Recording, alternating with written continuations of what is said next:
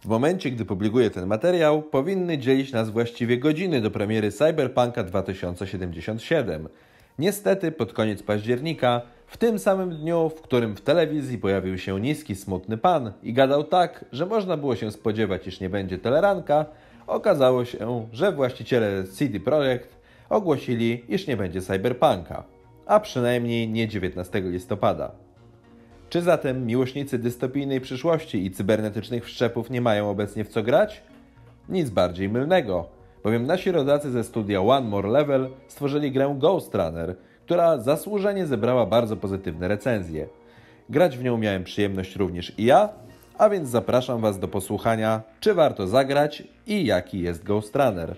Materiał przygotowałem w oparciu o wersję na konsoli PlayStation 4 Pro. Gra dostępna jest także na konsolach Xbox One i Nintendo Switch oraz na PC. Po ponad 20-minutowej recenzji Assassin's Creed Valhalla obiecałem sobie, że teraz będzie krócej, więc odpowiadając na pytania, warto zagrać, bo to dobra gra, a Ghost Runner jest jak połączenie Mirror's Edge i Katana Zero z małą szczyptą ostatnich odsłon Duma. Dziękuję, dobranoc. Mało? W takim razie opowiem o grze trochę więcej, chociaż naprawdę ten tytuł jest jak połączenie wspomnianych gier. Zacznijmy jednak od świata przedstawionego. Akcja gry toczy się w dystopijnej przyszłości, w której ludzkość schroniła się przed kataklizmem w mieście wieży, zbudowanej przez. Tak architekta. Spokój zostaje jednak zaburzony, ponieważ najwierniejsza sojuszniczka twórcy miasta, kluczniczka, postanawia przejąć władzę. Ulica opanowuje chaos i bezprawie, a porządek możemy przywrócić tylko my, czyli ostatni z Ghost Runnerów, cybernetycznych wojowników ninja strzegących niegdyś porządków wieży. Prowadzeni przez głos architekta, przebijamy się więc przez zastępy uzbrojonych po zęby przeciwników i wspinamy się coraz wyżej po piętrach futurystycznego miasta. Wspominałem o podobieństwie do Mirror's Edge.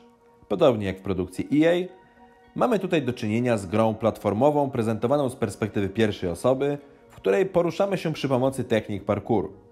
Z kolei ze świetną kataną Zero kojarzyć się może fakt, że w trakcie walki możemy odrobinę spowalniać upływ czasu, a raczej to, w jaki sposób nasz cybernetyczny bohater czas postrzega.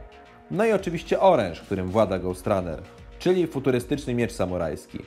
Podobnie jak w Katana Zero, mamy tutaj też do czynienia z gatunkiem, który spopularyzowała gra Hotline Miami.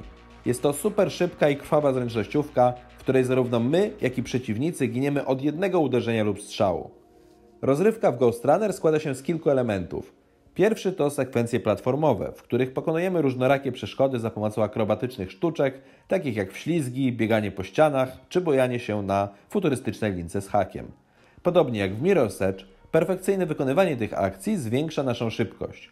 Poza zręcznością, gra wymaga od nas wówczas także spostrzegawczości, ponieważ ścieżka nie zawsze jest taka oczywista, a i warto czasem się rozglądać za porozrzucanymi po świecie gry znajdźkami, takimi jak chociażby nowe skórki dla naszej katany. Kolejnym elementem jest walka, która toczy się w pomieszczeniach, a raczej przestrzeniach zbudowanych nieco bardziej arenowo. Naszym celem jest wówczas wyeliminowanie wszystkich przeciwników tak, aby nie dać się trafić ani razu, ponieważ jeśli tak się stanie, to natychmiast giniemy.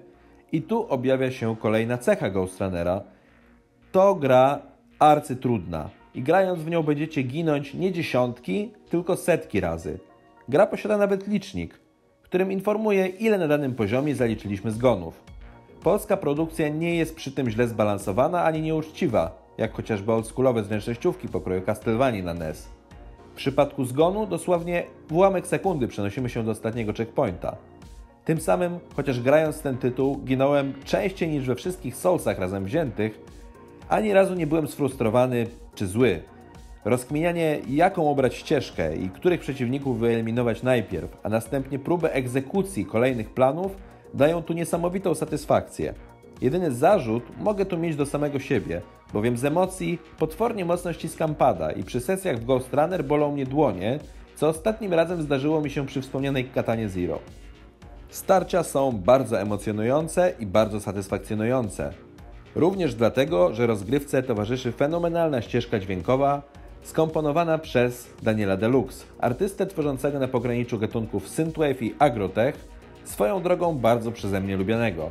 Dynamiczna elektroniczna ścieżka dźwiękowa, nadająca rytm naszym poczynaniom, powoduje, że rozgrywka staje się trochę swoistym tańcem z przeciwnikami. tak jak starcia w ostatnich odsłonach Duma. Naprawdę współgra to ze sobą wszystko fenomenalnie.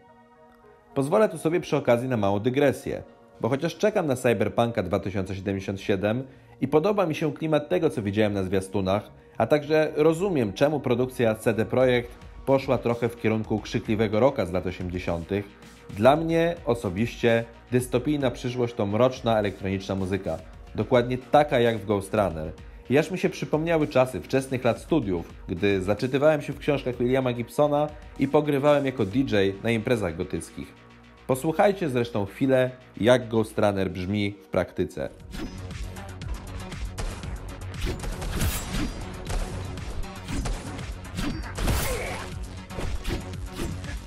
To, o czym mówiłem dotychczas, to jednak nie wszystko, co gra ma do zaoferowania. Polska produkcja regularnie podrzuca nam bowiem kolejne mechaniki. Gdy oswoimy się już ze zwykłymi leszczami z pistoletami, na arenach trafiają się urządzenia generujące tarcze ochronne, które musimy najpierw zniszczyć, zanim będziemy mogli komukolwiek wyrządzić krzywdę. Gdy nauczymy się już je lokalizować, gra dorzuca nam kolejny rodzaj przeciwników, tym razem prujący seriami z karabinów maszynowych. I tak dalej, i tak dalej. Gra więc nie pozwala się nudzić i ciągle podkręca poziom trudności. Na szczęście i nasz Ghost Runner nie stoi w miejscu. W trakcie rozgrywki odblokowujemy kolejne umiejętności bojowe, takie jak chociażby możliwość chwilowego spowalniania czasu i uskoków w trakcie lotu troszeczkę w bok, czy też na przykład zaznaczanie kilku wrogów i przecinanie ich na raz, błyskawicznym skokiem w przód. Umiejętności te możemy ulepszać, czemu towarzyszy ciekawa mechanika układania ich w dostępnych slotach, trochę jak klocki w Tetrisie. Zarządzanie ulepszeniami staje się tu więc swoistą minigrą. Niektórzy mogą mieć też odrobinę skojarzenia z zarządzaniem ekwipunkiem w Diablo czy w Resident Evil 4, aczkolwiek tutaj mamy do czynienia z bardziej nieregularnymi kształtami, więc i wyzwanie jest większe. Grze trafiamy także do cyberprzestrzeni, a właściwie cyberpustki, gdzie między innymi zdobywamy właściwie wspomniane umiejętności. Fabułę poznajemy z toczonych przez Interkom rozmów Ghost Runnera z architektem oraz członkinią lokalnego ruchu oporu.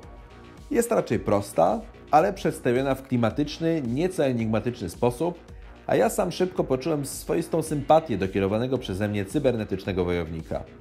Gra ma świetny level design i oprawę graficzną, aczkolwiek trzeba mieć na uwadze, że z racji niedostatecznej już trochę mocy konsol, wersja na PC wygląda zdecydowanie lepiej. Niektórzy narzekali też odrobinę na płynność rozgrywki na PS4, ale przyznam, że nie spotkałem się z jej spadkami. Inna sprawa, że dość szybko po premierze pojawiła się stosowna aktualizacja. Gra ma także dostać usprawnienia na konsole nowej generacji. Czy zatem warto zagrać w Ghost Runner?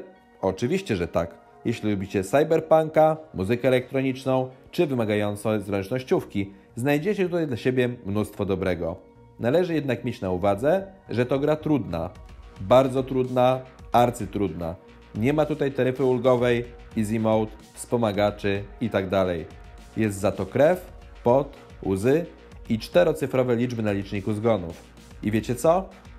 Dawno przegrywanie w grze wideo nie sprawiało mi takiej przyjemności. To by było na tyle. Mówił do Was Jerzy. Jeśli Wam się podobało, a nie jesteście moimi widzami, będzie mi naprawdę niezmiernie miło, jeśli zasubskrybujecie ten kanał i zostaniecie ze mną na dłużej. Jeśli nie chcecie przegapić nowych materiałów, polecam też kliknięcie w dzwonek. Nie spamuję codziennie filmami, bo wolę się do nich przykładać, a YouTube w nagrodę przycina mi zasięgi. Koniec jednak tego żebrania. Trzymajcie się i do usłyszenia. Cześć.